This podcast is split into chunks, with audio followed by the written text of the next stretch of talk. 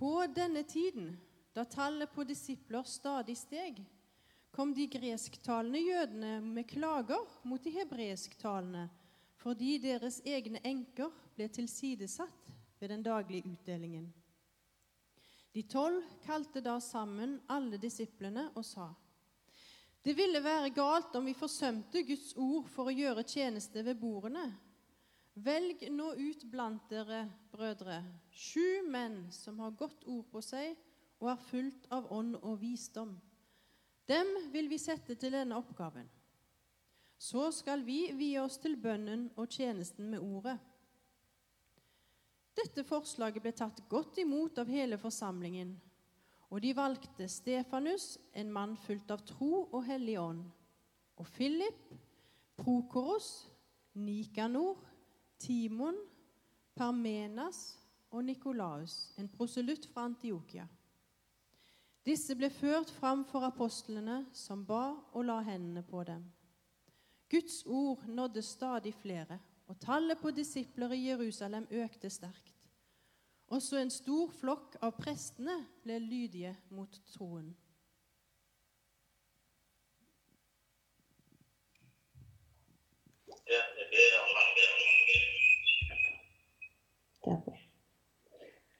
Hallo, Haugesund. Kan dere se meg? Kan dere høre meg? Nå er det jo sånn at jeg faktisk er kommet til Haugesund bare nå i helga. Vi skulle planlegge litt med flytting og sånt. Og vi gleder oss veldig til å komme hit sånn på ordentlig fra august. Men så sitter jo jeg her bak en egen skjerm, og dere sitter bak deres skjermer. Jeg vil jo aller helst ha sett dere fysisk. For det som skjedde i går etter vi var kommet hit, hadde kost oss noen timer, spist mat og vært sammen med både Thorsen og Tybakken, så får vi beskjed om at ett av våre barn er i karantene. Så da har jo vi gått i ventekarantene, og da kan jo ikke engang komme ned til kirka. Men jeg sitter da på et kjøkken, og vi har gått litt i hvert vår krok her i huset. Så sånn er jo det i de her tiden. Eh, men jeg gleder meg til å se dere på ordentlig på et tidspunkt. Og så er det veldig kjekt at jeg får lov til å tale for dere i dag. Eh, og jeg takker jo Gud for at eh, han virker igjennom alt det som kan være filter av skjerm og sånt. At han kan berøre hjertet. Han kan tale til, til dere og til menigheter som fellesskap om det han vil gjennom dette. Fordi dere holder på med en uh, taleserie ut fra apostlenes uh, gjerninger, som vektlegger det nye livet som Den hellige ånd gir oss. Og jeg skal få lov til å tale ut ifra en ny tjeneste som Den hellige ånd gir oss.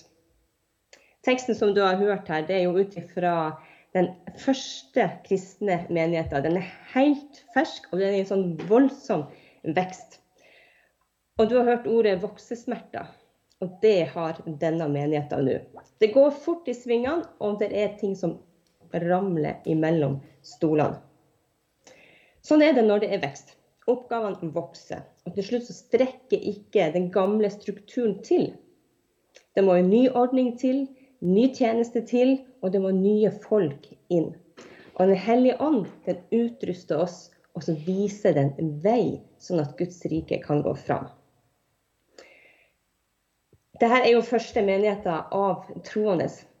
Eh, de er veldig veldig tidlig i kirkehistorien. Så eh, menigheten har ennå ikke rukket ut til andre enn jødene. Og de har ikke engang tenkt tanken at de skulle videre utover der. Men jødene hadde allerede vært spredt utover Israels landegrenser i mange år. Derfor vil du kunne finne jøder med forskjellig språk og med forskjellig bakgrunn og kultur. Og Det ser vi jo tydelig også i teksten fra pinsedagen, som er helt i begynnelsen av apostlenes gjerninger.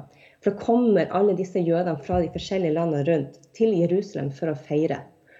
Og så hører de evangeliet bli forkynt på sitt eget språk. Og så rammer det dem i hjertet, og de tar imot. Gresktalende jøder, som vi hører her, det er jo dermed jøder som var blitt vokst opp i den helenistiske kulturen og det greske språket. Og disse var jo kommet til menigheten, de hadde tatt imot Jesus og trodd på han, og var en del av menigheten også. Det er ikke usannsynlig at eh, disse gresktalende jødene hadde et sårbart nettverk, fordi familien deres eh, kanskje oppholdt seg andre plasser i verden. Og Enkene på denne tida var en veldig veldig utsatt eh, gruppe. Det var jo mannen som var familiens inntektskilde og hele tatt forsikring, livsforsikringa.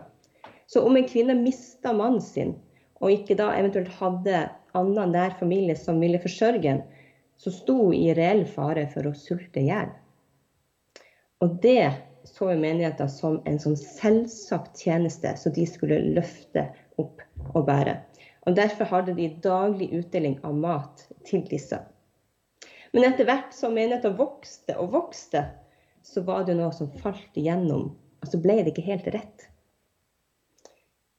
Det er jo faktisk normalt når ting vokser. Vi liker at ting vokser.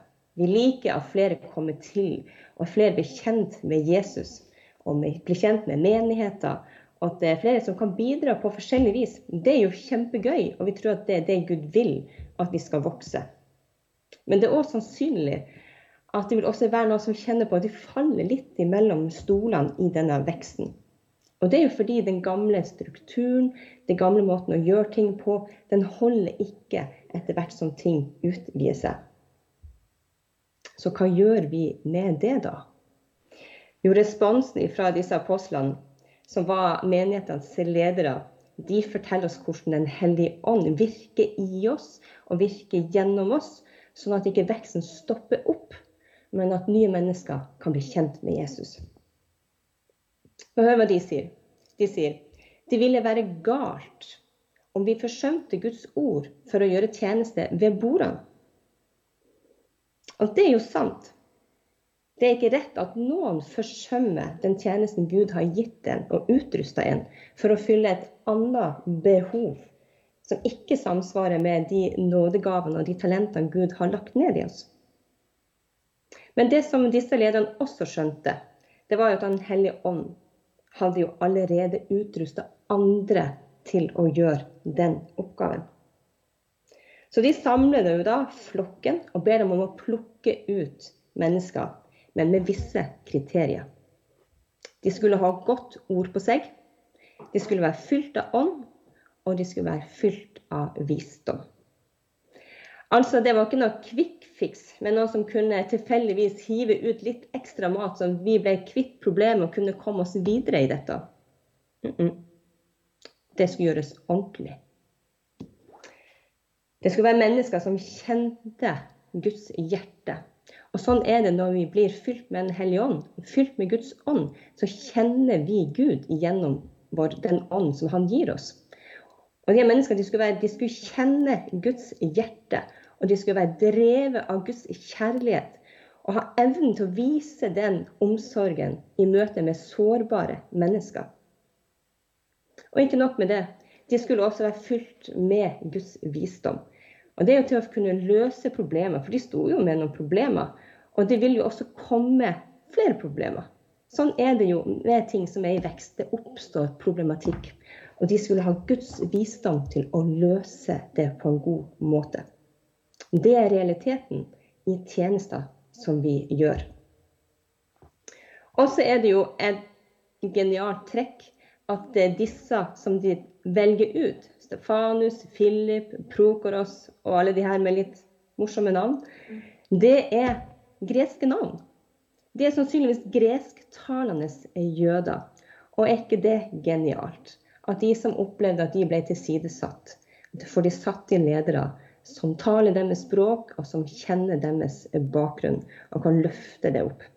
Og På denne måten så får disse en ny tjeneste i menigheten, men hele menigheten er med til å anerkjenne det som en viktig oppgave. Et velbrukt bilde på menigheten er kroppen. At vi er alle sammen mindre lemmer med forskjellige oppgaver, forskjellige eh, funksjoner, men at vi tilhører hverandre. Og vi trenger alle delene, uansett om de er små eller store. Og det er det som skjer når det nye livet med Den hellige ånd begynner i oss. At Den hellige ånd den starter det med å koble oss på kroppen og fylle oss sånn at vi kan virke med det som Gud har skapt oss til. Peter, som var en av de her lederne i første menigheten, han skriver senere Tjen hverandre, hver og en med den nådegave han har fått, som gode forvaltere av Guds mangfoldige nåde. Den som taler, skal se til at han taler som Guds ord. Og den som tjener, skal tjene med den styrke Gud gir. Slik skal Gud i ett og alt bli æret ved Jesus Kristus. Det står i 1. Peter 4, 10 og 11. Hør hva Peter sier. Han skriver 'tjen hverandre'. Og jeg må innrømme at jeg i mange år trodde at jeg tjente Gud med mine nådegaver. Men det er ikke det det står. Det står 'tjen hverandre'. Gud har gitt oss til hverandre. Og vi gir og vi tar imot av hverandre. Og ved at vi gjør det, så blir Gud æra. Den hellige ånd har altså gitt meg noe som ikke tilhører meg, men tilhører dere. Kanskje mer konkret fra Augusta. Men det tilhører fellesskapet, det tilhører menigheten. Det tilhører kroppen. På samme måte har Den hellige ånd også gitt deg noe som ikke tilhører deg, men som tilhører fellesskapet, tilhører Guds folk og den oppgaven som menigheter har sammen. Og så er jeg og du vi gitt å forvalte de gavene som Gud har utrusta oss med. Og Gud vil at vi skal tjene hverandre med dem. Og så er det like sant at du er 100% fri til å bruke den gaven eller ikke. For det er ingen som kan gjøre krav på det. Men vi vil invitere deg til å være en del av tjenernes fellesskap. Vi skulle snakke om diakoni i dag. Og diakoni det har mange ledd. Ofte så tenker vi bare på det ene leddet som er som, som, vi leste i den teksten her, om tjenesten ved bordene. Altså den, hvor det ene mennesket møter fysisk det andre mennesket sin nød. Den nærkontakten som er der. Men det er langt mer enn det. For diakoni det er jo en serie av mange ledd. Hvor mennesker er drevet av Guds kjærlighet for mennesker. Som omformes i praksis for å møte behov. Det er mange ledd i dette. Noen gode eksempler er fra middelalderen så var det faktisk kristne munker som var med og drev fram teknologien i Vesten. De var ikke drevet av økonomisk nødvendighet, fordi det var det jo overalt i verden på det tidspunktet. Og det er det jo ennå. De var heller ikke drevet av en sånn spesiell kreativitet, for det finnes kreative mennesker overalt i verden. Og faktisk mange av de tingene som de fant opp, var jo allerede oppfunnet. Men de var ikke satt i sammenhengen som de kristne munkene gjorde. Hva var det som drev de? Jo, de var drevet av Guds ånd. Guds kjærlighet til alle mennesker. At det var ingen mennesker som var mindre verd. Det var ingen mennesker som skulle være låst til en skjebne som lenka dem til slaveri og til strev. De visste at det var galt fordi de kjente Gud. Og selv i mange kulturer, eh, og som det stadig er i dag, men alltid har vært, så er det at noen mennesker de blir holdt nede i et mindre verd. Eh, fordi at de skal, holde, de skal utføre slavearbeid, de skal utføre strev, og de blir ikke løfta opp. Arbeid i seg sjøl er en velsignelse. Men Gud vil fri oss fra det menneskelige strevet og slaveriet. Og denne praktiske kjærligheten som de her munkene hadde, den drev fram nye løsninger. Trillebåra er et eksempel. Den ble, var sannsynligvis en kinesisk oppfinnelse, men ble ikke brukt til å lette på arbeidsmengden til de arbeiderne der. Først på 1300-tallet kom den til Vest-Europa og ble populær fordi munkene kobla det med nestekjærlighet for de svakeste. Og Mannen som fant opp svinghjulet, han var teolog og munk. Svinghjulet det mangedobler den menneskelige kraften som du påfører. Det er eksempel når du trør pedalen ned på sykkelen, så roterer hjulet på sykkelen flere ganger. Theofilus, som han het, han var tydelig motivert av at han ville gi Gud ære. Teknologien var ikke bare nyttig, sa han, men meningsfull. Hensikten var å bruke menneskelig kreativitet til Guds ære og for å tjene de svake. Og det som vi hører Peters sine ord, der sier at vi skal tjene hverandre med de nådegavene Gud har gitt oss, fordi det gir Gud ære. Munkene så at den gamle strukturen den var ikke god nok, og Den hellige ånd dreiv fram en ny tjeneste med nye løsninger. Mens andre spiritualiteter de kan skryte av sine ut av kroppen-opplevelser, så kan vi skryte av Gud som kom i kropp. Og mer enn det Guds sønn, Jesus Kristus, brukte mesteparten av sitt liv som snekker. Tenk det. Det ble for meg en veldig stor opplevelse, åpenbaring for meg i høst. For jeg var superfrustrert over huset. Men jeg klarte liksom ikke å sette fingeren på hva var det som var galt, og hva trengte vi å gjøre. Det bare funka ikke. Så fikk vi en venn av oss som er snekker, på besøk. Og Han forklarte situasjonen. Så gikk vi gjennom huset for å se, da. Og så åpna han dørene inn til vaskerommet.